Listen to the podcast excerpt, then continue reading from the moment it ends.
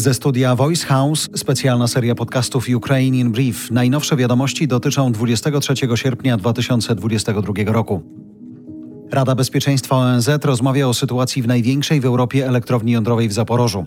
Od długiego czasu jest ona okupowana przez wojska rosyjskie. Sytuacja jest niebezpieczna, a obie strony oskarżają się o sprowadzenie na cały świat nuklearnego zagrożenia. Rosja zarzuca Ukrainie ostrzeliwanie elektrowni. Kijów o to samo oskarża Moskwę. Międzynarodowa Agencja Energii Atomowej sugeruje, że walki mogą spowodować katastrofę poważniejszą niż awaria w Czarnobylu.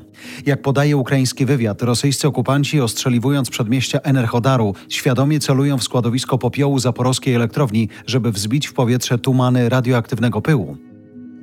Turcja wspiera integralność terytorialną Ukrainy i odrzuca bezprawną aneksję Krymu, deklaruje prezydent Turcji. Jego zdaniem ochrona integralności terytorialnej i suwerenności jest krytyczna także dla globalnego bezpieczeństwa. Erdogan, który politycznie i biznesowo dobrze ostatnio lewiruje między Moskwą a resztą świata, mówił o tym na spotkaniu Platformy Krymskiej, organizacji, która od aneksji Krymu dyskutuje o jego problemach.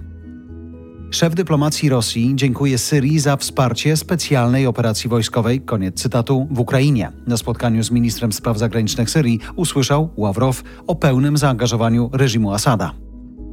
Ukraina będzie w pełni gotowa do przystąpienia do Unii Europejskiej do końca 2024 roku. Zapowiada to premier Szmychal. Kijów nakłonił Unię, żeby od czerwca zniosła wszystkie cła na ukraiński eksport, a od lipca działa bezwizowy transport. Putin próbował zabić europejskie aspiracje Ukraińców, ale osiągnął jedynie to, że Ukraina jest bliżej Unii niż kiedykolwiek, deklaruje na spotkaniu także Platformy Krymskiej szefowa Komisji Europejskiej. Ruszył nowy sezon piłkarski na Ukrainie. Po raz pierwszy od grudnia ukraińscy ligowcy wyszli na boiska. W pierwszym meczu rozgrywek Szachtar Donieck zremisował bezbramkowo z metalistem Charków.